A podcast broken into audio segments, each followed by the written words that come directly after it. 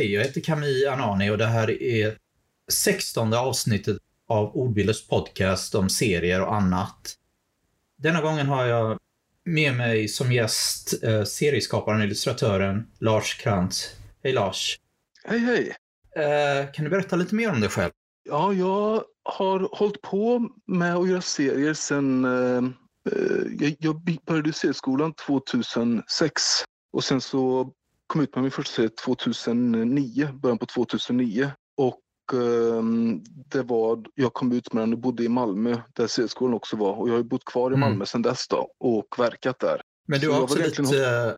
du har också lite tidigare även studerat lite konst, för jag såg eh, på din, jag tror att det var serieinformation eller någonting på, på nätet, att du gick på KV konstskola också. Det stämmer. Jag gick eh, ja. KV konstskola i Göteborg. Sen så innan det så gick jag estetisk linje okay. som många andra. Och eh, innan det så var jag faktiskt eh, praktis, praktikant hos en keramiker i ett år. Det var en intressant uh, att gå från keramiker till Ja, och att teckna. hos den keramikern där fick jag ganska mycket fria tyglar och göra vad jag ville. Jag var inte jätteintresserad av keramik. Mm. Men hon gav mig så pizzakartonger som jag kunde teckna på och även måla med olja på. Så jag började hålla på mer med oljemåleri. Eh, då, då var jag ju faktiskt bara 16 ungefär. Mm. Började på med oljemåleri och det var ju det som ledde mig till, eh, till först estetiska och sen så även KV konstskola då. Då jag ja. var mer in, inriktad på just oljemåleri. Så det mm. var ju det jag höll på med innan jag började serieskolan och började på med serier då. Mm. Jag i konstskola har varit flera gånger. Jag har hängt på deras kroki väldigt mycket. Ja, just det. Precis. Väldigt fin skola, väldigt inträngd mitt i stan. Ja, verkligen, verkligen. Den är, det är ett jättefint område där. Och vi var ju och målade utomhus och sånt också när det, när det var väder för det. Det var faktiskt jätte, det var jätteskoj att gå den konstskolan tycker jag. Mm. Började ditt intresse för just serier rätt tidigt? Eller? Ja, det började väldigt tidigt. Jag har ju konsumerat serier alltså hela livet egentligen. Jag tror, mm. jag tror den första egna serien som jag kan minnas är en Hulk, Hulken-serie från 1982, så då var jag ju tre år gammal. Och jag har ju, jag har ju prenumererat på enormt många serier. Jag har prenumererat ja. på eh, så säga, Läderlappen och, och Batman och Stålmannen och Spindelmannen, men också Mad och Don Martin och jag var i Tintinklubben. Tintinklubben var faktiskt den första mm. serie mm. jag prenumerer, eh, var prenumerant på så att säga. Och det har varit må många fler serier som jag prenumererat på som jag inte riktigt kommer ihåg nu. Men jag har Så det var, det var en rätt eh, stor variation av olika ja, seriegenrer då? Ja, jag gillade, när, man säger, när jag började teckna, eh, då var, jag började väl teckna egentligen när alla andra la av med det, när jag var typ mm. nio år gammal. Och då var min inriktning, var, inspirationen var serier och inriktningen ja. var mer Don Martin och, och den typen av te tecknarstil som var då mer, jag kunde liksom dra ett, eh, eh, eh, ett, ett, ett, streck på papper, en böj till exempel, och så utgick jag från den böjen och så gjorde jag en figur på det. Och det var ofta då en komisk figur med, den här böjen blev en stor näsa då till exempel och så. Så det, det var ju, det var ju så jag började arbeta serieaktigt men inte serietidning då utan mer en seriestil. Så det, var lite mer komiska serier då? Ja, det var faktiskt komiska serier. Det var det jag var, det var det jag, hade, jag, hade det inte hänt en specifik sak så hade jag nog ja. tecknat det än idag. Då hade, nog, då hade jag egentligen haft en ikonisk tecknarstil eller en, eh, vad, vad säger man, en eh, karikatyraktig ja. Eh, tecknarstil. För du är ju framförallt känd för mör, väldigt mörk och, jag ska säga, ja, lite skrämmande Halv, stil. Ja, precis. Lite så, så halvrealistisk liksom. Mm. Och det, det kom sig av att då, jag tror jag var 14 och jag hade inriktning teckning eh, i skolan och så hörde jag personer prata om en person som den personen var så himla bra på att teckna så här. Och sen så mm. såg de mig och så bara, ja men Lars, du är ju du är okej på att teckna och sådär men du tecknar lite mer så här serieaktigt sa de. Och jag blev, jag blev så jäkla grinig över att höra det. Över att, eh, över att de liksom såg ner på min mitt sätt att teckna på som då var det här ikoniska. Mm. Liksom så. Så jag gjorde, jag, ska, jag så fan med lära mig att teckna realistiskt liksom. Och efter det så var det, blev, var det många tusentals och tusentals av timmar och försök och liksom försöka få till mm. anatomi någorlunda okej okay, liksom. Och det är någonting som jag kämpar med än idag, att liksom få, få saker och ting att se hyggligt okej, okay, realistiskt ut. Liksom. Har du, har du någon speciell metod för att lära dig mer realistiskt? Gör du mycket typ kroki och sånt där? Den typen? Jag, jag höll på jättemycket med kroki. Dels som du sa, KV konstskola. Där höll man ju på med mm. det varje vecka. Sen så efter KV så flyttade jag hem till mina föräldrar faktiskt. Och då eh, fick jag gå kvällskurser i Skövde eh, i kroki. Och jag gick kvällskurser två, två kvällar i veckan. Jag tyckte att kroki var jäkligt roligt. Eh, jag tyckte det var, tyckte det var jätte, jätteroligt. Och jag gjorde också den grejen att då jag var runt 20 så satt jag ja. alltid, ofta på kaféer och tecknade av folk. Eh, och tecknade av och tecknade av och tecknade av för att liksom mm. försöka lära mig att kunna teckna av eh, riktiga människor och få dem realistiska. Så det är ju det, det är nog mycket det jag lärt mig. Och sen så är det ju givetvis olika typer av lärare som jag haft och lärarinner som varit eh, mm ganska så hårda eh, och så. Man har inte riktigt fattat. Man har kanske varit lite bångstyrig själv och sådär men efter åren så har man förstått vad de menar. Liksom. Ja. Det där du pratade om förut, om att bli lite irriterad av att någon eh, säger att det är någonting i en svaghet. Det kan jag känna igen lite. Att man istället mm. liksom vill göra det till, ja, jag ska visa dem.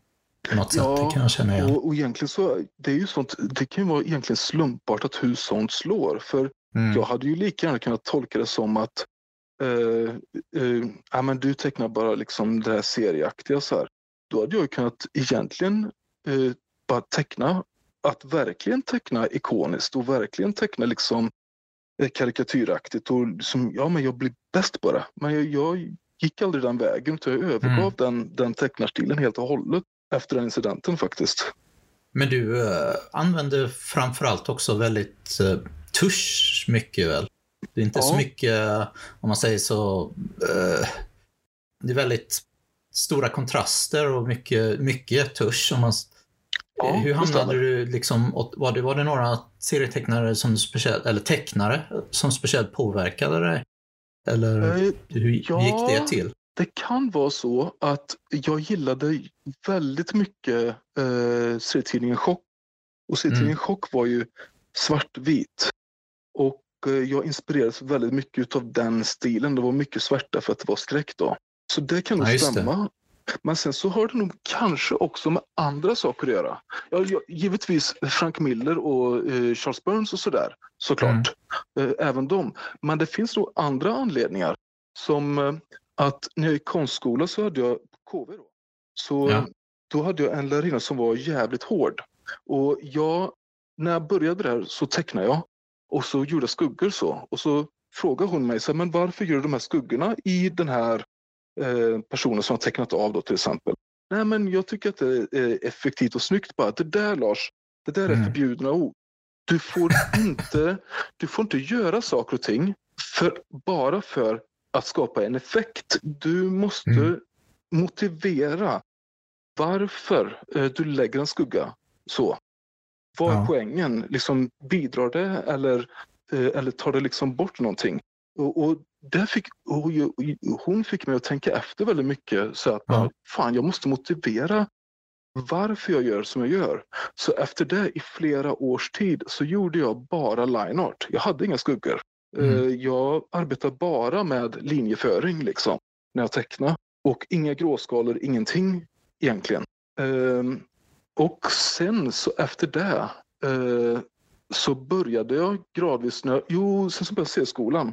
Mm. Det var nog lite mer, mer, än, mer än det jag gjorde, jag höll på med andra saker och sådär också. Men så började jag se skolan och då pratade jag mycket med Fabian Göransson som gick kreativt friår. Mm, okay. vi, vi Ni gick samtidigt då? Ja, precis. Vi gick samtidigt. Jag gick första året och han gick kreativt friår. Och då passade jag på att fråga honom för att han ändå var ganska liksom gammal i gamet om man säger så. Han hade hållit på med sig i alla fall i tio år då mm. när han var där. Så då pratade man med honom och han sa till mig så att eh, Lars, du gör ju okej okay teckningar sådär. Men då så arbetar jag ganska så expressivt. Och det kan ju se snyggt ut som illustration att arbeta expressivt. Men serier är till för att vara tydliga liksom. Mm. Och då började jag tänka efter lite igen. Så här, bara, hur, hur ska jag göra för att göra saker och ting tydligt? Och då, då gjorde det, eh, kom jag på det att man har tydligt svart och vitt. Liksom. Mm. Som, eh, som Charles Burns till exempel, eller som Frank Miller. Eh, för det blir en tydlighet i bilden då. Har du, har du alltid tecknat, eller eh, ska vi säga att för dina figurer i alla fall i, i många av serierna jag har sett är också lite överdrivna, ska man säga, i, i, i kroppen och kroppsformer och sånt där. Lite, lite ja, det. åt det groteska hållet nästan lite. Ja, och jag tror att det kommer nog från att jag vill eh, jag vill nog överdriva saker och ting. Det ligger nog kvar alltså, från långt, långt tillbaks där när jag tecknar mer åt det karikatyraktiga hållet. Att jag vill ha starka karaktärer. Mm. Jag vill inte ha personer som ser slätstrukna ut. Liksom. Jag vill att de ska ha mycket, mycket karaktär och jag, det tycker jag faktiskt är viktigare än att det ska se realistiskt ut. Jag mm. tycker att, kan tycka att det ser väldigt trist ut om, man, om det är en tecknare då man ser att han eller hon har eh, nästan som en mall i huvudet. Ja. Liksom, hur en person ser ut. Och, så att det, blir, och det, det, det kan kännas eh, tråkigt. Ja, då, då, är det nästan roligare att varje bild är ett, ett nytt försök liksom, från, eh, från mig som tecknare. Mm. Att försöka få till någonting bra. Eh, och då, det kommer variera, liksom. personer kommer variera lite. Men jag, jag föredrar det. Jag föredrar det här framför att ha en, en, en, en standard, standardmall liksom för ett, hur ett ansikte, den här personens ansikte och så. Jag förstår. Ja, jag tror att det är lite det och eh, kan ha med att göra att jag också gillar personer som, jag gillar expressiva eh, tecknare som till exempel mm. eh, Richard Corbin mm. som har det här att eh, han utgår nästan ibland, man har sett att han utgår från eh, lerskulpturer som han själv har gjort.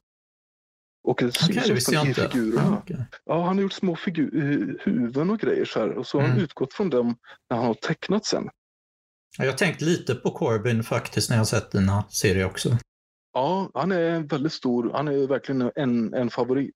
Jag gillar hans stil väldigt mycket och jag gillar också det här med att det är saker kan vara väldigt fel. Men det är okej. Okay.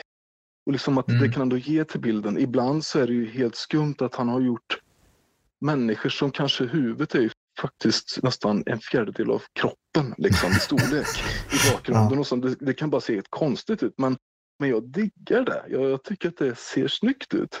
Mm. Det är ju fel liksom. Men det blir ändå härligt på något vis. Och det är även eh, nu det här Sandman har kommit som tv-serie. Ja, och jag pratade med serieskaparen eh, Daniel Ahlgren om mm. Sandman-serietidningen. Och Argen han är ju väldigt klassisk så här. Han älskar de, de här gamla riktigt skickliga eh, Marvel och DC-tecknarna. Och de är mm. liksom perfektionister på, på ett sätt. Och han gillade ju inte Preludes and Nocturnes tecknare. Eh, det är ju Sam de Keith. där tidiga som var väldigt ja, eh, speciellt tecknade. Precis, det. det är Sam Keith och sen så är det en till då. Eh, eh, bla, bla, bla, eh, Malcolm the third, liksom något sånt där heter mm. han. Kommer inte ihåg det riktigt nu vad han heter. Men de har ju väldigt konstig teknisk stil. Alltså det ser mm. jättekonstigt ut ibland. Som att till exempel Konstantin, han ser ut att vara 140 centimeter lång och sånt där i många bilder. Är jätteliten och jättekonstig. Men jag digger det som fasen. Jag tycker att det har en jävla karaktär liksom. Hur fel mm. den är så ser det ändå, jag gillar, jag diggar det här stuket. vad jag minns så fungerade det bra med just den färgläggningen. Jag vet inte om det hade fungerat om det var helt just svartvit. Nej men, men det kan nog stämma. Det har du nog rätt i. Hur, hur var det? Uh, hade du tecknat liksom mm, några hela serier innan dess? Hade du gjort fanzine innan du började på skolan eller hur? Ja, jag gjorde en, jag höll på med en serie eh, som jag sökte in med. Den gjorde mm. nog 60 sidor på ungefär. Men jag slängde Oj. allting. Jag slängde allt. Eh, för det var inte jag som hade gjort manuset, det var en annan kille. Mm. Och grejen att manuset var faktiskt rätt bra. Det var, det var ett bra manus liksom. Ja. Men problemet var att mina teckningar, man blev så jäkla mycket bättre så jäkla mycket så snabbt när man gick i skolan. Mm. Så jag kunde inte titta tillbaks på de här teckningarna och tycka att det såg ens okej okay ut. Mm, jag slängde alltså. hela skiten faktiskt. Men sagt, det var, inte, det var inte, verkligen inte manuskillens fel för det var, mm. det var ett bra, bra manus. Uh, och in, om man tar innan det, uh, så ser ja, jag gjorde en serie som var två sidor till en kille som skulle fylla 30. Mm. Och det var, jätte, det var ju skitskoj att göra. Man, man säga att det är så skoj att göra serier när man kom på mediet och det tycker jag fortfarande är med serier så speciellt. Ja. Till skillnad från illustrationer att du gör en sida och så är en sida en sida på något vis. Liksom. Sen så gör du en sida till. Så ser vi att du gör en till och en till, fyra sidor. Nu börjar det röra på sig. Det börjar bli mm. liv och det händer saker och ting. Och det är, man känner att det är magiskt liksom, för en själv i alla fall, som skapare. Mm. Att hur, hur är det möjligt att det här kommer till liv? Så man, det minns jag att jag blev väldigt sporrad av. Både, både ja. min, jag och min kompis, men även den min egna serie som gjorde till som födelsedagspresent till den här killen. Och går man riktigt långt tillbaks, eh, då pratar vi, då var jag nog kanske åtta, nio år gammal. Då gjorde jag min första ja. serie med eh, min gamla bästis.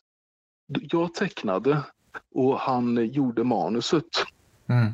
Och det var en äventyrare vid namn Lause Ono. Han var en, han var en superhjältegroda med ölmage uh. som eh, beskyddade skogen. Och vi gjorde två serier med honom. Ja. Häftigt att du minns det fortfarande. Ja, ja precis. Man, jag undrar verkligen vart de serierna är någonstans. Det var ju mm. bara liksom att man viker papper och stämplar och så här. Så det var inte någon nice. upplaga eller någonting sånt där då. Det var inte uppkopierat utan det var, bara, det var bara vad det var. Men eh, kände du att serieskolan i Malmö gav eh, det något extra?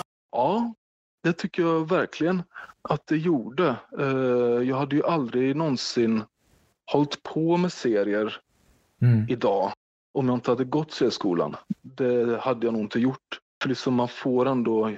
Jag hade ju tur också på ett sätt för jag, jag var 26 när jag började serieskolan. Mm. Och, så jag var lite äldre. Men jag hade också arbetat i fem år som kyrkogårdsvaktmästare jag hade ja. lärt mig väldigt mycket, fått lära mig liksom rutiner. Att du går upp klockan sex på morgonen och går till jobbet och arbetar hårt. Så jag arbetar ju uh, när jag gick i skolan väldigt, väldigt mycket. Så mm. jag lärde mig ju väldigt, väldigt mycket under väldigt kort tid. Och det blir också, sånt blir så sjukt svårt om, om man har ett hundraprocentigt jobb till exempel. Särskilt om det är liksom alla jobb är utmanande på olika sätt men jag kan tänka att om man är kyrkogårdsvaktmästare och har ett fysiskt jobb då är man ofta så förbaskat trött liksom att man sover vid tio på kvällen och helgerna vilar man ut på. Så jag tror inte att jag har hållit på med serier i någon större utsträckning och inte gått skola faktiskt. Ja, det är förstås, men det, det är ju lätt svårt att, att ge den tidperioden man behöver bara för att komma in på någonting och bara hålla på med det när man jobbar ja, med annat. Samtidigt. Precis. Och sen så hade jag ju tur också att bli utgiven av Fabian och Josefin Svenske. Med första där när de startade den. Ja, Dödvatten då. Och, fast, det, fast den hade väl getts ut, om jag har förstått rätt, som någon sorts lantis också innan dess? Eller var det bara delar ja, av den? Ja, det är sant. En, eh, det var en, ehm, en eh, tecknad lite annorlunda. Det var tecknat mm. som, se, och det var, en 24, det var nog en 24 timmars serie faktiskt. Okay, som så det är så den startade? Jag, jag, trätt, som jag liksom fixade till och gav ut som en lantis. Det stämmer. Det var ju den allra, allra första då. Den 22 mm. sidor bara. Sen så kom jag ut med Dödvatten eh, på Kolik förlag. Sen hände en grej som jag tror spelade, rätt stor roll också. Det var att jag fick ett seriejobb eh, eh, ganska snart efter att jag kom ut med Dödvatten. Mm. Och där, så jag kom ut med en serie 2009, sen så en serie till 2010. Och det, det tror jag gjorde väldigt mycket. För då har man, att, att ge ut en serie så, men det är en grej, men sen så gör det en, en till liksom. Och vad var det för serie, den andra? Den hette En hjälpande hand. Och eh, den var jag tvungen att göra väldigt, väldigt snabbt. Eh, den skulle vara 70 mm. sidor, sen skulle vara ganska lång också, så jag fick arbeta fruktansvärt hårt för att hinna bli klar med den. Och det är då en serie skriven av Fredrik Kvistberg och den behandlar eh, svensk, eh, ska man säga, att vi har ett kluvet sätt om man säger så eh, i vårt förhållningssätt till vapenindustrin. Att vi är ett liksom, fredsälskande land om man säger så. Men samtidigt mm. så säljer vi också vapen till väldigt tvivelaktiga länder. Liksom. Och den, eh, den serien behandlar det. Så det var en satir över, över att vi gör så och även också insprängda informationsdelar i det. Hur, hur kändes det att, eh, för nu hade, när du gått på skolan ett tag så hade du jobbat med egna manus och så antar jag? Att plötsligt ja, gå över igen det... till att ha andra personer skriva manus. Ja, när jag gick C-skolan så, så var, var, var väl helt okej okay i rollen att vara en C-tecknare egentligen. Mm. Det var faktiskt eh, Fabian Göransson som sa så här, men Lars, du, du säger att du är tecknare, så här, men jag tror att du, du, du kan nog faktiskt göra ganska bra manus ändå. Så här. Du har ju mm. bra idéer och sådär. Och så, började, så det var faktiskt han som fick upp mina ögon för att, ja men fasen, kanske han har rätt i så här. Så du hade inte haft några ambitioner innan dess att skriva inte, på egen hand? Inte ambitioner att själv faktiskt göra egna manus. Nu så, så har jag på och gjort jäkla mycket egna manus faktiskt. Och det är mm. jättemycket som inte har blivit publicerat. Har ju 400 seriesidor. och, ja, och till och med mer än då som är opublicerat. Ja. Plus att jag har mängder av manus som jag skrivit. Sen så har jag också en, en, en hobby eh, som mm. är rollspel. Då är jag spelledare och då skriver jag också manus. Så, här, så jag arbetar ju väldigt mycket med, med historier och sånt hela tiden. Är det eh, en fråga till om din uh, tecknings... Du arbetar, jag slog mig att du, jag vet inte om det är helt ovanligt, men du arbetar väl för, för, uh, främst med papper och penna, inte digitalt? Precis. Allt, allt svartvitt är papper och penna. Mm. Eh, sen så färgläggning, det arbetar jag ganska mycket eh, digitalt. Men jag får ut ändå en kreativ grej. Dels är det ganska okej okay att teckna digitalt eller färglägga digitalt. Ja. Men sen så målar jag lite så här miniatyrfigurer och sånt också. Så jag kan hålla på med mitt traditionella måleri på det viset. Ja, just det. Men, men annars när det kommer till serier så det, det är papper och penna alltid egentligen. Ja, det är alltid det. Är det någon speciell anledning du känner att du får inte rätt känsla på det då? Om det inte är... Uh, nej, jag, jag tror jag är så van vid Jag tror också att jag är så van vid det.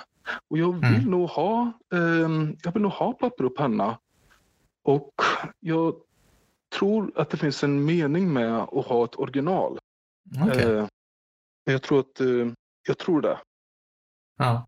Det, så egentligen, jag har egentligen, i grund och botten ja. ingenting emot eh, eh, digital teknik, alltså att folk Nej. arbetar digitalt och så. Det är schysst och liksom, det, det löser ju jättemycket problem att göra det. Man kan ändra formen på figuren väldigt lätt mm. och man kan liksom flytta figuren på pappret om man säger så, på ritbordet väldigt lätt och allt sånt där. Men eh, jag, jag diggar traditionellt papper och penna eh, och jag kommer nog alltid hålla på med det. Är det, är det också någonting att eh, liksom olyck, alltså, lyckliga olyckor händer mera kanske lite i det tror jag, det tror jag också. I, i papper och sånt där, om man kallar, ja, kallar det att det. Blir, ja, men verkligen att det blir, det blir felaktigheter, eh, men det får vara okej. Okay. man får liksom mm. försöka att fixa saker och ting som inte blev så jäkla bra. Ja, så får man liksom ändra på det. Sen så gör jag ju, eh, om jag måste, så gör jag små, små putsningar då på datorn. Men visst, jag, den här lite wonky, wonkyheten kan jag, kan jag gilla. Liksom. Mm. Och man kollar på gamla svartvita illustrationer så är de ju ofta eh, lite speciella om man säger så. Eh, ja. Eh, jag kan tycka att det är fint. Men, men du sa att färgläggning gör du digitalt. Vad använder du för program då? Photoshop använder jag. Okay. Så jag, men jag har inte jag har ett, ett sätt att arbeta med färgläggning i Photoshop som jag inte, jag är inte 100% jättebra på, på det tycker mm. jag. Jag är onödigt långsam tror jag. Jag tror jag är onödigt ineffektiv när jag, när jag färglägger i Photoshop. Så det är liksom hela tiden, när jag arbetar med Photoshop så är det alltid lite av en um, ja, det, det, är en, lite av en kamp för att få det bra. Jag är inte lika, jag är inte lika vass på det som, som jag är på att arbeta svartvitt. Mm. Har du färglagt någonting eh, med, med riktiga färger om man säger så? Är det någon serie ja. som du har gjort omslagen eller så i färg? Ja, färger? Dödvatten, dödvatten är ju gouache. Eh, okay. Även Hjälpande hand är gouache. Eh, mm. Svarta jorden är ju, det är ju en väldigt enkel primitiv digital färgläggning. Men annars är det nog bara, och när det kommer till illustrationer och sånt, så är det nog bara digitalt jag gjort just gouache var också lite svårt för mig för mm. jag, är, jag, är, jag är åtminstone en, eller var, en ganska van oljemålare om man säger så. Mm. Jag var van med hur oljefärg funkar och kunde hantera det mediet ganska bra. Gouache är liksom den diametrala motsatsen till olje, oljefärg. Det torkar så fruktansvärt snabbt. Just det. Oljefärg det kan jag ju arbeta på och skrapa bort, liksom lägga på nytt och sånt där. Så jag var aldrig särskilt bekväm med gouachen. Jag var alltid lite missnöjd med resultatet när jag arbetade med gouache. För jag kände att fan, hade jag arbetat med oljefärg mm. så hade det sett så jävla mycket bättre ut än det här. Liksom. Var det någon speciell anledning till att, förutom att det inte skulle ta mycket längre att torka, att du valde att just göra det i gouache? Uh, jag tror det hade med att jag, jag, jag, provade. Jag tror, jag tror kanske det var lite Fabian Göransson som han höll på med gouache. Okej, okay, men mm. då gör man kanske det när man serier, tänkte jag. Så kanske var det lite så jag tänkte. Um, Annars vet jag inte varför. Jag, jag kommer inte ens ihåg varför jag egentligen köpte gouachefärg. Men det blir väl lite det också att man slipper mm. eh, hålla på med eh, eh, olika typer av medel och sånt där. För oljefärg så kan du inte blanda med vatten utan då får du hålla på ja, med linolja och såna grejer. Så det blir väl lite mer av, eh, av meck om man säger så med oljefärg. Ja. ja men det är ju intressant. Fick du tänka mer på färgkalibrering eller hur gjorde ni med inskanning av omslagen och sådär? Uh, ja, precis. Du menar när man, eh, när man tecknar, när man målar När man ska eh, överföra, papper. ja, får man hand om man ska överföra det, så att säga. Ja, Då får man det. tänka det... lite på sånt och justera. Ja, och så. precis. Det är ju en sån grej som, uh, det är även när man arbetar digitalt ju, att mm. så som det ser ut på skärmen, där får man ju alltid tänka att det blir en, två, tre grader mörkare. Det kommer bli väldigt mycket mörkare om man arbetar mm. digitalt sen så, sen så skriver ut det liksom att det blir en tryckprodukt av det. Man måste, jag tycker att mm. mina bästa illustrationer som jag gjort digitalt det är uh, illustrationer som nästan ser fel ut på skärmen. De ser för okay. ljusa ut. De ser alldeles för ljusa ut mm. liksom. Mm. Men sen så när de kommer i tryck, då ser det bra ut.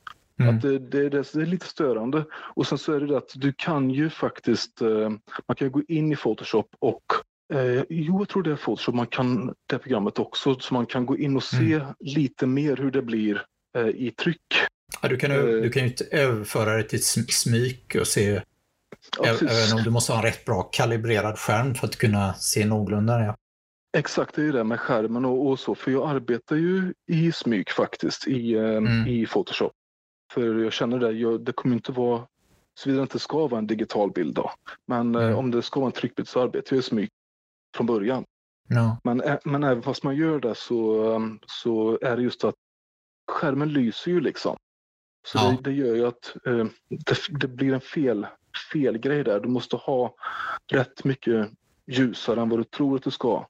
Det var, tror jag, vår serieskaparen Dennis Gustafsson som sa det att om du har en, eh, den mörkaste färgen, den måste ändå vara tydligt eh, särskild från eh, tuschlinjen i, i, mm. i mörkhet. Liksom.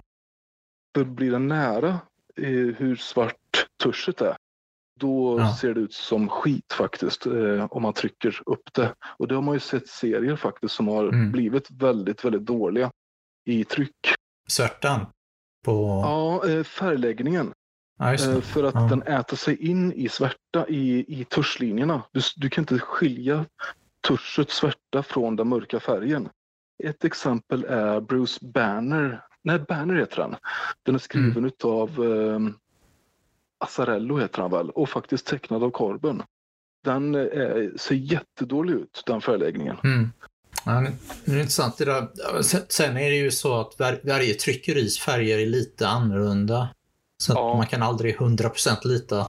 Precis, speciellt eftersom det är så mycket Ja, speciellt eftersom det är så mycket mjuk uh, prov nu för tiden att man ska titta över nätet istället för att få ett tryckt ja, just det. på.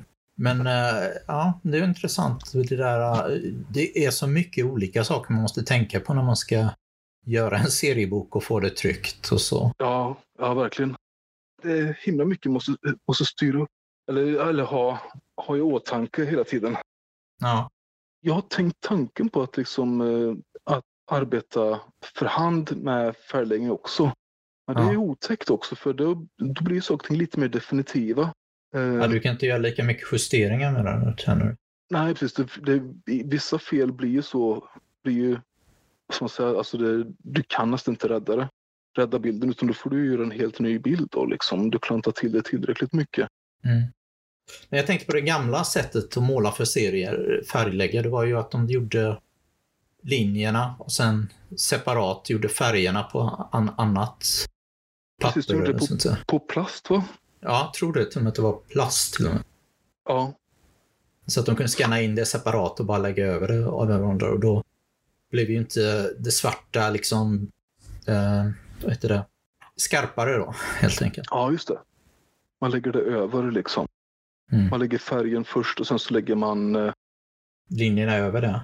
Ja, något sånt. Men du, din första serie där, Dödvatten, eh, hur kom du på den berättelsen? Var kom den ifrån? Eh, Dödvatten är egentligen tre helt separata historier. Mm. Eh, som har tre olika, nej, nej, två separata historier är det. Eh, den tredje är specialskriven för boken Dödvatten. De mm. två andra är i själva verket två stycken 24 timmars serier som är omgjorda till den här boken. Och okay. Ja, så det är så, så den är upplagd. Sen så är det ju grejer med Dödvatten som eh, dels så finns det en, eh, det finns ett tryckfel i boken som gör att sidor faktiskt hamnat lite fel. Och sånt är ju jävligt störigt liksom för det blir en, eh, det blir ett kronologiskt hopp. Jag tror att det mm. vissa som inte tänker på det när de läser serien som tur är men det är faktiskt ett, finns ett fel liksom där. Men så länge sedan jag läste den så jag, jag kommer inte ihåg det men och det finns ett kronologiskt. Sen så är det också mm. att jag hade velat uh, få med lite mer grejer egentligen. Mm. Uh, som uh, hade... Sen så är det, så här, är det viktigt att, att förklara väldigt mycket. När det är skräck kan vara bra att inte förklara också. Mm. Och så. Men var det, var det, nu kommer jag inte riktigt ihåg, du gav ut lite i Utopi också. Var det Dödvatten eller var det den senare serien som du, den här det var Svarta jorden? jorden som kom ut med i Utopi. Och det var... Började där. Ja, och det var liksom korta historier i ett krigshärjat Sverige i tidigt 1900-tal. Ja. Och, jag, mig att jag, jag, jag, läste en liten intervju som, jag tror att det var där jag läste det, i, i den här man, seriebloggen som fanns, jag tror inte är aktiv längre, Shazam, där du, jag tror att du pratade om att den här svarta jorden, att du höll på att du ville ha en värld som du kan utspela, ha massa olika serier utspela sig. Ja, Eller berättelser. Det var, precis, det var tanken med det att eh, man har Svarta jorden är, världen blir på något sätt huvudpersonen. Sen så får man mm. följa eh, människor i den här världen. Och visst, det kan ju återkomma och sådär, men poäng, eh, grejen är inte att, att det ska handla om en, en huvudrollsinnehavare. För jag har nästan aldrig varit intresserad av huvudrollsinnehavarna i i, när jag tittar på film och sådär, det är nästan alltid mm. birollsinnehavarna som tycker det är intressantare. Så jag vill liksom ha så här, men man, i det här kapitlet så kan det vara en, en huvudrollsperson som man följer. Sen så kan det vara ett nytt kapitel som kan vara en ny historia. Men det är fortfarande den världen. Mm. Det är lite så som eh, bland annat Lovecraft har med, sina, med sin värld. Liksom, att det, det finns en värld. Men det finns ja. olika historier i den och för varje historia som berättas så blir också världen större. Ja, just det. Det är lite också som, vad heter han, Stephen King, han har helt separata, visserligen kopplar han ihop dem lite också ibland. Men... Ja, just det. Och egentligen, egentligen Marvel också är ju så. Marvel DC, mm. de har ju sina, sina universum liksom. Men du, du har, än så länge har du bara kommit ut med två böcker i den serien. Är ja. den första på kolik och den andra på apart? Precis, men apart, apart har ju köpt upp Kolix så apart har mm. ju volym 1 också. Men den är okay. slut nu tror jag. Jag tror att båda i princip, i princip är, slut nu. Men gav de ut en egen utgåva apart av ettan eller de bara fortsatt Nej. sälja ettan? Precis, de, de köpte upp eh, det som var kvar av mm. Kolik. Och du, du körde också, vad heter jag tänkte på att den första var blå och den andra var gul. Var det någon tanke ja, bakom det? Omslagen alltså? Ingen jättedjup tanke, utan jag tyckte att det såg jävligt bra ut. För jag, jag var inte så bra på eh, digital färgläggning så här. Mm. Och så kämpade jag med så här, att försöka få, fan, försöka få det här bra. Men jag var, men jag var inte bra, det såg inte bra ut. Så här. Jag, jag, jag förstod mig inte på med digital färgläggning. Sen så bara gjorde jag allting i en färg tror jag. Eller så här, jag bara, äh, fan skit i det här, så, här, så gör jag bara gråskalet av allting. Så, så bara, om man tar en färg så här, ja men mm. det ser ju det ser ju bra ut. Så det, det var faktiskt en, ganska slumpartat att, eh, att det blev så. Det handlar helt enkelt om min fullkomligt bristfälliga kunskap i digital färgläggning. Formatet är också lite eh, speciellt. Det är lite, väldigt hög bok.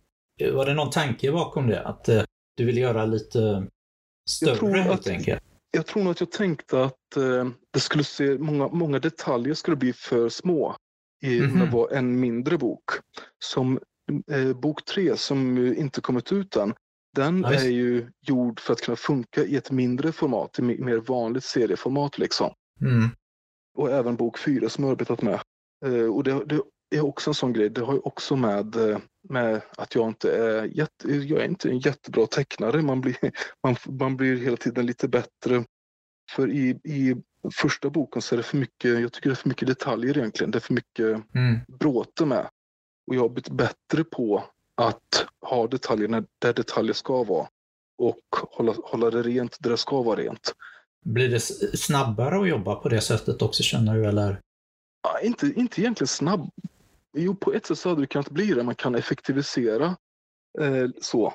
Visst, men, eh, men i slutändan så kanske det inte blir snabbare ändå. Och jag tror också mm. att det finns lite fara med att tänka att effektivisera för mycket. För till slut så blir det så att ja, men man, man gör det här för att det, det ser fan snyggare ut med att man, man skalar av.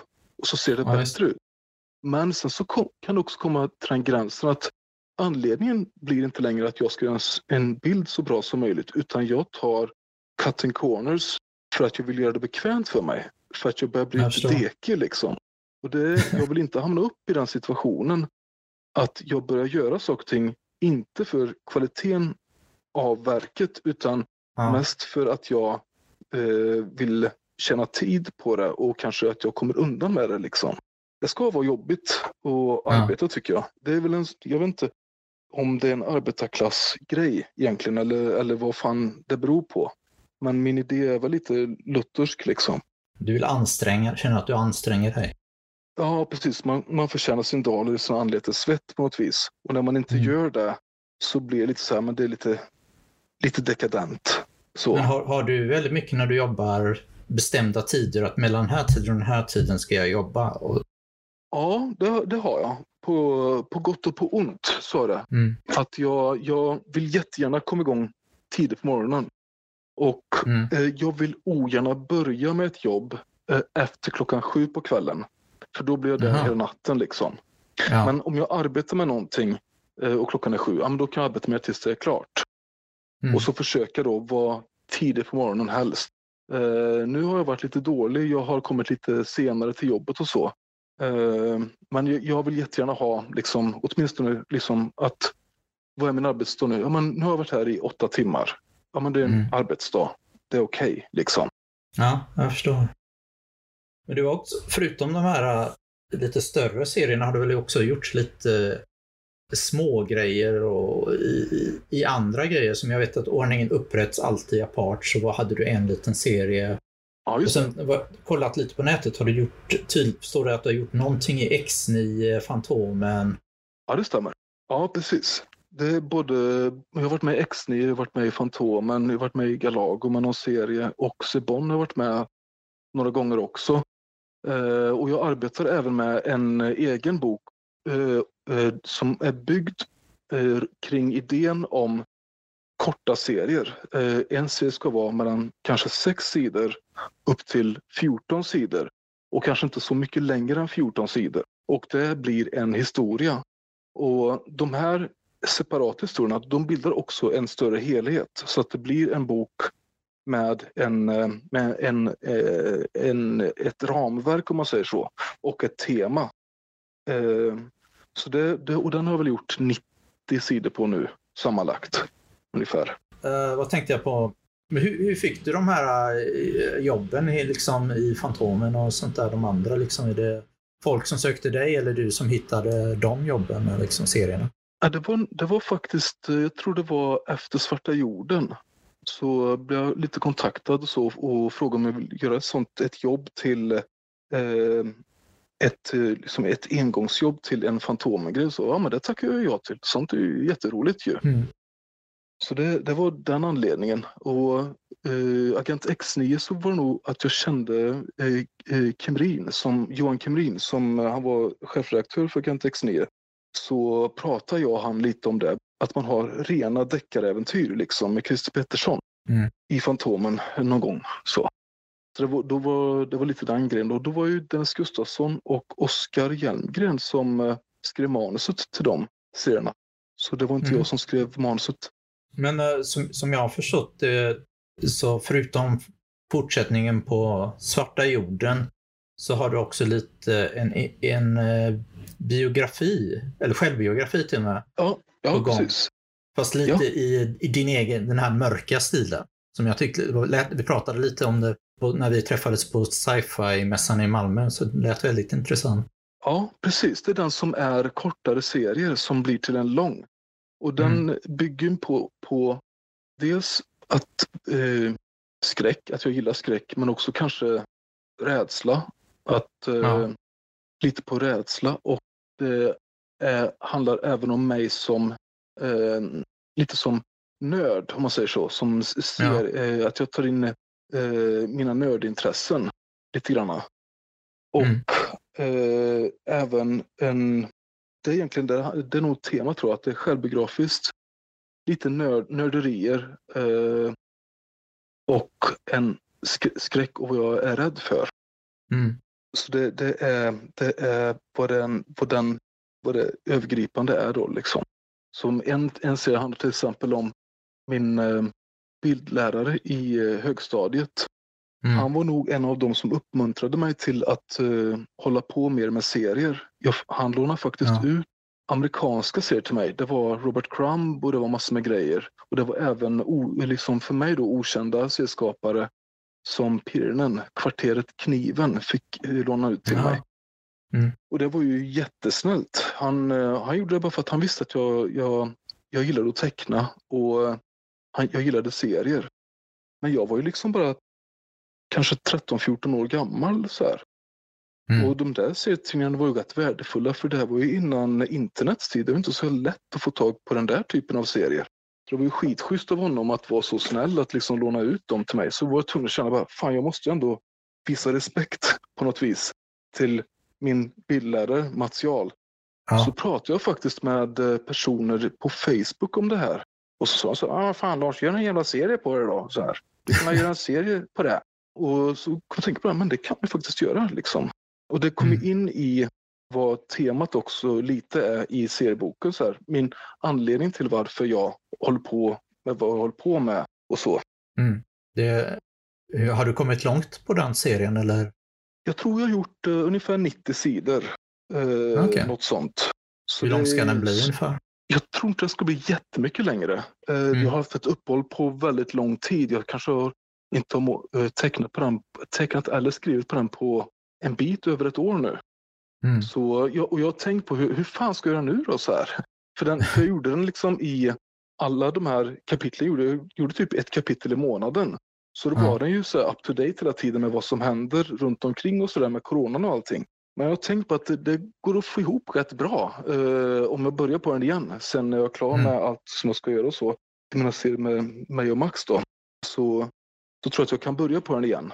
Vad, vad är det för något du pratar Jag tror att du, du har inte berättat i den här podcasten om just ditt samarbete med Max. Det för, vad är ja, just det. för något projekt? Det är, det är Max Gustafsson. Han kontaktade mig för kanske två och ett halvt år sedan, eller något sånt, om mm. att vi borde göra en serie ihop. Han, han hade en väldigt bra idé till en serie och han såg att det kan egentligen bara vara jag som tecknar den serien. För den mm. skulle vara, eh, den liksom jag blev, alltså, vad ska man säga, eh, headhuntad kan man säga för den idén. Eh, det fanns inga pengar i det då. Eh, utan det här var en, en grej som vi kanske skulle göra om, om det fanns tid över och sådär.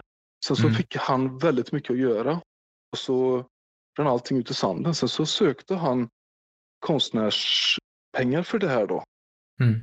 Och på det viset så har vi då kunnat ta tag i det, i det här igen då. Så det är det jag arbetar på nu.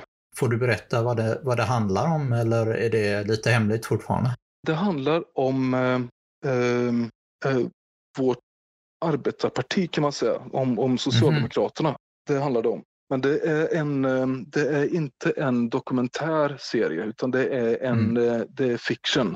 Jag förstår. Ja, och det, det handlar liksom lite om vad Socialdemokraterna, vad de var, vad de stod för mm. och hur många kompromisser de egentligen har gjort kan man säga. Intressant. Ja. Är det någon tid uh, bestämt när den här ska komma ut eller? Eh, vi satsar på att försöka bli klara med serien i år. Okej, okay. coolt. Ja. Så det kanske Så... blir att man får se den innan slutet av året då?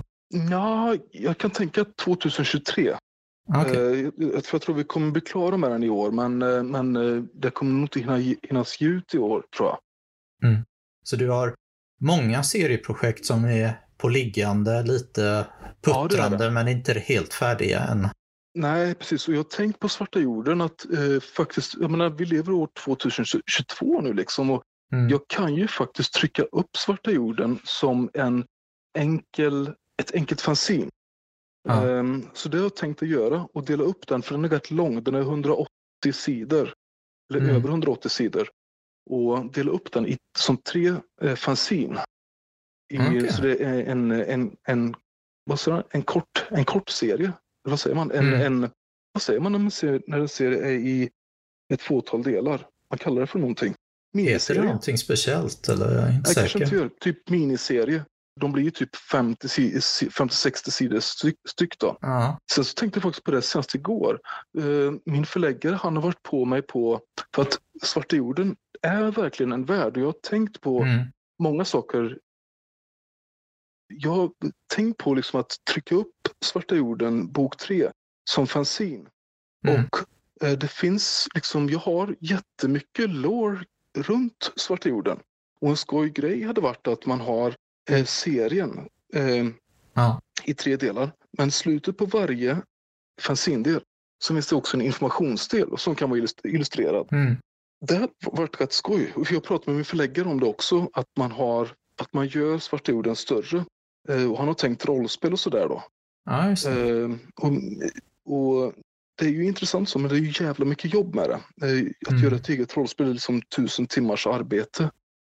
Men att man du har jobbat liksom... lite med rollspel också, väl? Som ja, illustratör i alla fall? Eller? Ja, just det. Jag, jag har illustrerat ett helt rollspel faktiskt och en hel kampanj. Vilken, vilken var det? Det var Hindenburg för Fria Ligan som är MUTANT. Mm. Då. Och även eh, Gryningens beskyddare som är kampanjen till den, den rollspelsvärlden. Mm. Det var för övrigt också, det finns en Svarta jorden-koppling till det. Det var att um, de fick Svarta jorden när vi var på en mässa. De gillade Svarta jorden-världen så pass mycket så att de, de baserade lite av rollspelet på Svarta jorden-världen. Eh, som till exempel den här ruinstaden mm. som jag har i Svarta jorden. Den finns även i Hindenburg nu. Och det fanns den inte innan, utan det var faktiskt mm. min, min idé. Hade du tänkt om, om du skulle göra något med rollspelsvägen med din serie, att du skulle tryck, göra det på helt eget förlag då, eller till exempel gå i via ja, fria... Äh, äh, äh, Johan Kimrin på Apart förlag har ju varit väldigt ja. öppen, för, öppen för en sån sak och varit väldigt positiv till det, liksom, just för att serier är så pass litet i Sverige att eh, det mm. behövs något mer. Och då kan man tappa in i till exempel hårdrockskultur eller, mm. eller rollspelsvärlden då liksom för att bredda. Uh, och jag anser att på ett sätt så svart, passar Svarta jorden som rollspel sjukt bra. Mm. Men grejen är att det är också fruktansvärt mängd jobb. Men det man kan göra det är att ha en, en, uh, ett, ett utdrag liksom i ja. till exempel ett fanzine där man beskriver ruinstaden.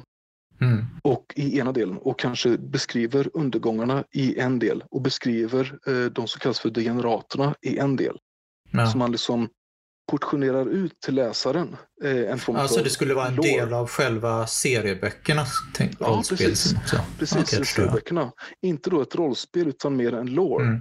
Och den mm. låren skulle man kunna överföra till rollspel sen då, om man skulle vilja längre fram. Men att man portionerar ut det liksom, inte gör ett helt jävla rollspel. För det ja. är ju återigen det är tusen jobb, timmars arbete liksom, minst. För ja. ett helt rollspel. Men när, när, du har gjort den här, om man ska säga den här världen, skulle du vilja att andra skulle leka i din leklåda och göra sina egna ja. berättelser i den här världen? Jag, har tänkt, jag tänkte på det. Jag, eh, jag har tänkt väldigt mycket, som säger. Jag, tänkte, mm. jag har tänkt på det. Den skulle heta Hydra i så fall. Att jag, jag mm. bjuder in eh, några författare som jag tycker att eh, jag gillar dem jättemycket. Och så här. Mm. Och så gör de en och jag berättar vad svarta jorden är och liksom begränsningarna de har och friheten de har. Mm. Så gör de en, en kort historia och så tecknar jag den. Så det som binder samman ah. den boken är, är att alla är eh, författare. Men jag nice. binder samman det med min teckningsstil. Och att det är svarta jorden. Så tänkte jag att passande namnet blir Hydra då liksom. En flerhövdat monster. Ja, coolt. Ja, det, det, det hade varit häftigt. Det är mycket som är så jäkla roligt liksom, eh, att göra och så. Men Sydsverige är också väldigt litet liksom. Mm. Så det är ju, eh, det man håller på med är ju en hobby, en hobbyverksamhet så att säga. Ja, det är svårt att leva på det. Om det, är, Precis. det är väldigt få som klarar det i, ja. i serie-Sverige.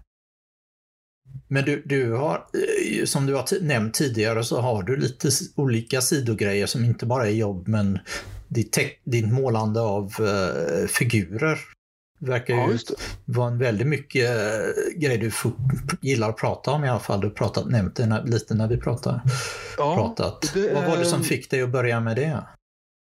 Så se, det var det som fick mig att faktiskt börja med det var att jag kände personer i min rollspelsgrupp som uh, höll på med då mm. figurspel mm. där man har mycket figurer och terräng och sånt där. Uh, och så var det en av dem som hade en, uh, en prova på-kväll. Där man fick ja. prova på att måla figurer hemma hos honom. Och så märkte jag att jag tyckte att det var jävligt roligt. Mm. Och det här har ju liksom det här med att hålla på med att måla figurer, det är någonting som har varit, alltså så här, som har kommit in eh, passivt på mig ända sedan jag var eh, 15 kanske. Och det är väldigt mm. många som har velat att jag skulle börja hålla på med att måla figurer. Men jag har alltid varit väldigt, väldigt, väldigt mycket emot det. För att det är så jävla små figurer och det är så otroligt ja. pilligt och jag kände att det kommer jag aldrig klara av. Aldrig någonsin att jag kommer kunna klara av det här. Ja. Eh, men nu så har jag börjat med det på gamla dagar och det är, det är väldigt jätterolig hobby. Ja, därför, därför just när vi började samtalet så började du lite prata om väldigt liksom, sådana här specifika om hur du skulle eh, få fram metallfärg som du verkar ha tänkt väldigt mycket på. Liksom. Ja, så, precis. Det är, ju, det är ju en sån grej med figurmåleri att det är fruktansvärt tekniskt. Det är mm. otroligt tekniskt liksom om du ska bli skicklig på det. Um, så precis, så, så med metallfärg till exempel så är det att eh, jag lyssnade till exempel på en youtubare som pratade om det här med att du kan måla metall, alltså att färgen ja. är metallfärg. Sen så kan du göra det att du har vanlig eh, akrylfärg så att säga och härmar så att akrylfärgen ska se ut som metall. Då får du mm. arbeta jättemycket med liksom skugg, eh, skugga och ljus och hur, hur man imiterar metall. Och han sa det så bara, ja det är ungefär lika svårt sa han, båda två. För man kan tro mm. att, att bara om man tar metallfärg ur en, ur en burk och så målar man på metall och sen så kanske man har en shade som det heter, då, en form av utblandad ja. eh, tusch kan man säga. Som gör att det, det blir eh, mörkare då där det, är, där det är skrever och så. Det mm. räcker bara. Nej, det gör inte det. Det är det det inte gör. Det är fruktansvärt svårt därför att metall eh, återspeglar ju himmelens färg till exempel om man är utomhus eller mm. om man är inomhus så, så speglar det ju färgen som finns in, inomhus. Så det är ju jäkla svårt. Det är mycket, ja. Har det, har det här på något sätt också påverkat hur du tecknar eller målar i, när det är på 2D, om man säger så? Ja, jag tror faktiskt att eh, det har hjälpt mig jättemycket att titta på de här eh, Youtube-tutorials med de här mm. målarmästarna. För det, det går ju in givetvis i, i till exempel digital färgläggning. eh, ja. vad man bör tänka på och hur olika färger arbetar med varandra och sådär. Och det hjälper, eh, hjälper även så med, med 2D-förläggning på papper då. Till mm. exempel mm. att om gult är en svår färg. Eh, den är komplicerad därför att när, om den kommer in andra färger i den så blir den ofta smutsig och ser inte fin ut. Liksom. Och så, men det finns en lösning på det. Och det är att eh, om du arbetar med skuggor så här så ska det vara mm. Vit grund. Sen så skuggan, där har du färgen rosa faktiskt. Och arbetar med okay. rosa. Och sen mm. så lägger du på ett lager gult över allting. Då blir det rosa. Det kommer bli som en fin skugga till, det, till den orangea delen liksom. Eller till den gula delen. Det blir som en ja. typ av orange färg. Och det är ju då att man tänker i smyg. Hur smykfärger funkar. Ah, ja, förstår. det är en sån, eh, ett sånt trick liksom. Att när du arbetar med färg så, så gud som kan bli så jävla ful, liksom, att det kan bli så mm. smutsigt och ser inte bra ut. Liksom. Bara, jo, men arbetar du först rosa, sen lägger du gult på, där har du det. Likadant, du arbetar med en blå, det blir då, eh, vad blir det i smyk? Ja, den blå färgen i alla fall. Mm. I, eh, är det magenta? Jag blandar alltid ihop dem. Skitsak samma. En, mm. en, en av de blå färgerna i smyken. Och så lägger du gult på den. Jag blandar också ihop dem om det är cyan eller magenta som är... Cyan precis. är väl den blåa? Tror jag. Cyan är ja. den blå, precis, precis. Så det blir alltså du målar med cyan, alltså fast från tub eller burk. Mm. Cyan och sen så lägger du gul på. Då får du en jättevacker från gul till grön. Och kanske från mm. gul till grön till blå om du lämnar den cyanfärgen och inte måla på gult då, så får du en jättesnygg gradient kan få det liksom. Mm. Så saker och ting är ju sjukt jävla tekniska hela ja. tiden.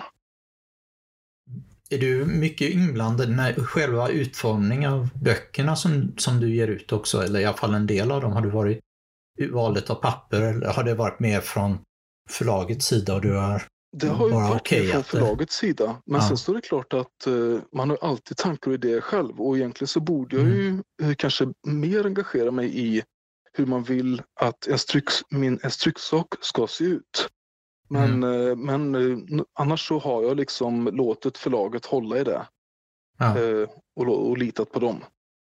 Ja, det, det är alltid sådär blandat. Man, I alla fall jag kan bara prata från eget förlags... Uh, och det, det, är ju att man, man vill ju vara tillmo, till, tillmötesgående men det är också ekonomi och andra grejer som, oh ja, som spelar oh ja. in. Ja, men jag tycker ofta att uh, det behöver heller inte vara... Nu vet inte vad det, vad det är som blir, till exempel att det blir dyrt, dyrt papper och sådär. Mm. Men för, för jag pratade med en kompis med han, han gillar ju det här eh, pappret som var till serietidningar liksom. Och det är ofta mm. lägre kvalitet på pappret. Men det kan hända att den typen av papper kanske är så pass ovanligt nu för tiden att det blir dyrt, ironiskt nog. Jag vet inte hur det är, så, det är ju sån här funkar. papper med lite trä i som gör att det gular med tiden tror jag. precis, precis. Och, och så blir det så här, det är dåligt papper. Ja, men det kanske blir så att, det vet ju du säkert mycket mer än mig om att bara, men det där är skitsvårt att få tag i idag. Så det dåliga pappret blir dyrt, ironiskt nog. Liksom. Mm. Ingen aning. Jag tror, att, jag är inte säker om det är dyrare. Jag tror att det kanske det är billigare fortfarande med trähaltigt papper. Men uh, däremot så just nu tror jag att papper håller på att gå upp i pris som allting annat ja. gör. Så det blir intressant ja. att se vad böcker kommer hamna nästa år nu när, nu, eller i år när de börjar trycka mera igen. Ja, ja precis. Det har väl varit helt stopp tryckpressarna eh, länge. Varför? Men det har varit mm. jättemycket problem eh, under rätt lång tid va?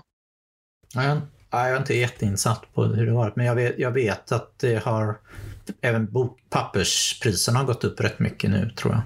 Ja. Men hur mycket vet jag inte. Så att, uh, det påverkar ju mycket grejer. Alltså, I alla fall bokpriser och sånt där antagligen kommer göra framöver.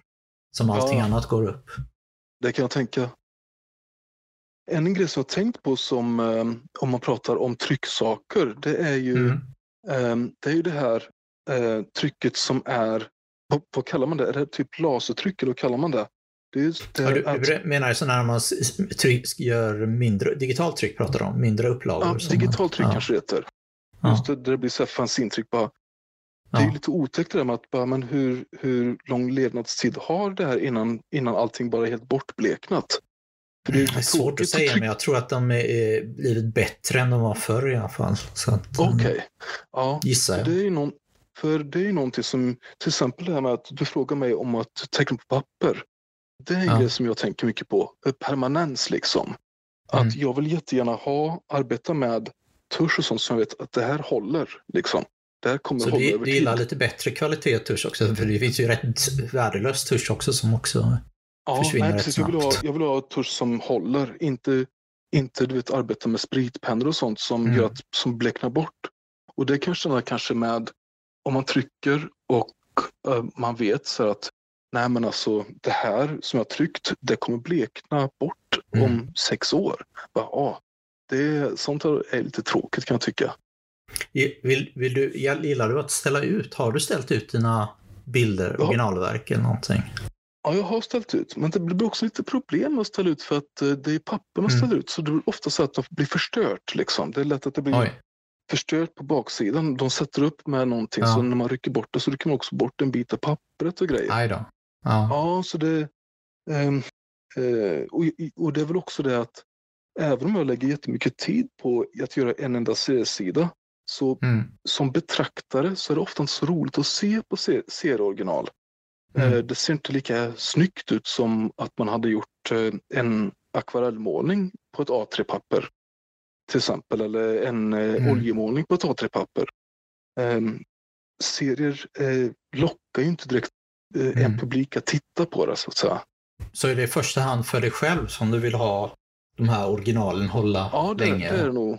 Ja, det är nog, det är nog första hand för mig själv liksom. Mm. Att ha, att, och det, det är något som jag ofta in, inte vill sälja. Jag har sålt, mm. eh, oms, omslaget till Svartjorden har sålt. Ja. Och jag kan tänka mig också sälja kapitelsidor och sånt. Det är helt okej. Okay. Men däremot, eh, jag vill ogärna sälja seriesidorna i sig. De vill jag gärna behålla. Jag har hört, vad heter det, vad var det, de, no, några serietecknare som har gjort sådana här utskrifter av uh, typ linjearbetet och sen tuschat över det eller någonting. De, då har de antagligen gjort digitalt och tuschat över det och så säljer de det här tuschade uh, tryckutskriften om man säger så. Okay, alltså som att... Som ett, har... som ett billigare version av ett, av ett original ungefär eller någonting sånt där. Ja, just det. Men då hade det väl kanske varit bättre att nästan göra så som munkarna gjorde, att man, man mm. kopierar, alltså, kop, alltså du, du eh, eh, kanske med ett ljusbord eh, tecknar, tecknar sen så gör du en bokstavligt en kopia för hand, alltså handtuschar. Ja, det. skulle man det kanske göra också. Det tar längre tid, men då kan du ändå säga att det är ett original. För det blir ja. lite konstigt om man har, arbetar lite på en utskrift så att det är mm. lite, så här, lite penselstänk och skit liksom och så bara, nej men det är typ ett original, men det är det ju inte. Mm. Fast jag, jag, tror att det i första hand är folk som jobbar framförallt digitalt och sen ska ah, ha någonting okay. att sälja så, ah, så, att säga. Då fattar jag. Ja, då förstår jag. Ja, just det. Det går ju att göra, vad heter det, att man, man gör sån här, ett fint digitalt tryck och skriver ut av ett original och undertecknar det som ett, bara ett tryck också. Det kan man ju kanske ja. sälja om man inte vill bli av med originalet. Ja, och det finns väl också lite roligare tryck att göra som de här uh, ri, risotryck som är ju, det är en sån... Ja, just det. Som kan leka lite med färgerna och sånt där. Ja, ja det är det. som en budget, eh, budgetvariant av sånt stentryck ju. Och då blir mm. det ju mm. rätt coolt, alltså att tryck, trycksaken blir en egen del som funkar ja. på ett eget sätt. För det kan jag tycka är mycket snyggare.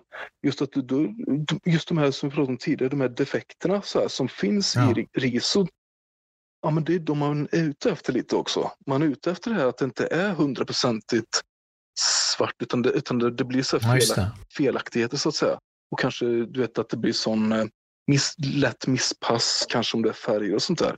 Det, mm. tycker, jag, det tycker jag är coolt i så fall om man pratar om tryck kan jag tycka. Nice. Det är lite svårt alltså att, att liksom ha en digitalt tecknad bild, sen skriva, göra en datautskrift på den. Det känns ja. lite Jo, man kan göra det med, med förvisso så fint papper kanske och så, men ja. Det finns ju rätt mycket olika tricktekniker. Ja, ja, det finns om man, det. Gör, finns om man vill göra riktigt eh, liksom, besvärligt för sig kan man ju bara göra en stenlitografi eller en litografi av en, ja. en riktig litografi av en, av en bild, av en teckning eller bild också. Ja, just det. Just det. Ja, shit. Gamla, jag tror att gamla konstböcker och sånt där var ju mycket litografier. Ja, verkligen. Ja, precis. Det var ju det det var. Och det var ju även, äh, även affischer, äh, filmaffischer och sånt var ju, var ju tryckta. Och det var ju så här bara, vet, de slängde ju dem sen. Mm. När, de, när de hade gått ut så här så bara slängde de. De hade ju varit värda många tusenlappar idag. En enda sån affisch. Det är så jäkla snyggt. Eh, har du några framtida projekt på gång som, som du funderar på att göra i framtiden? Eller, ja, eller tänkt, några andra projekt? Jag har tänkt jättemycket på det. Uh, mm. Det finns ju jättemycket att göra.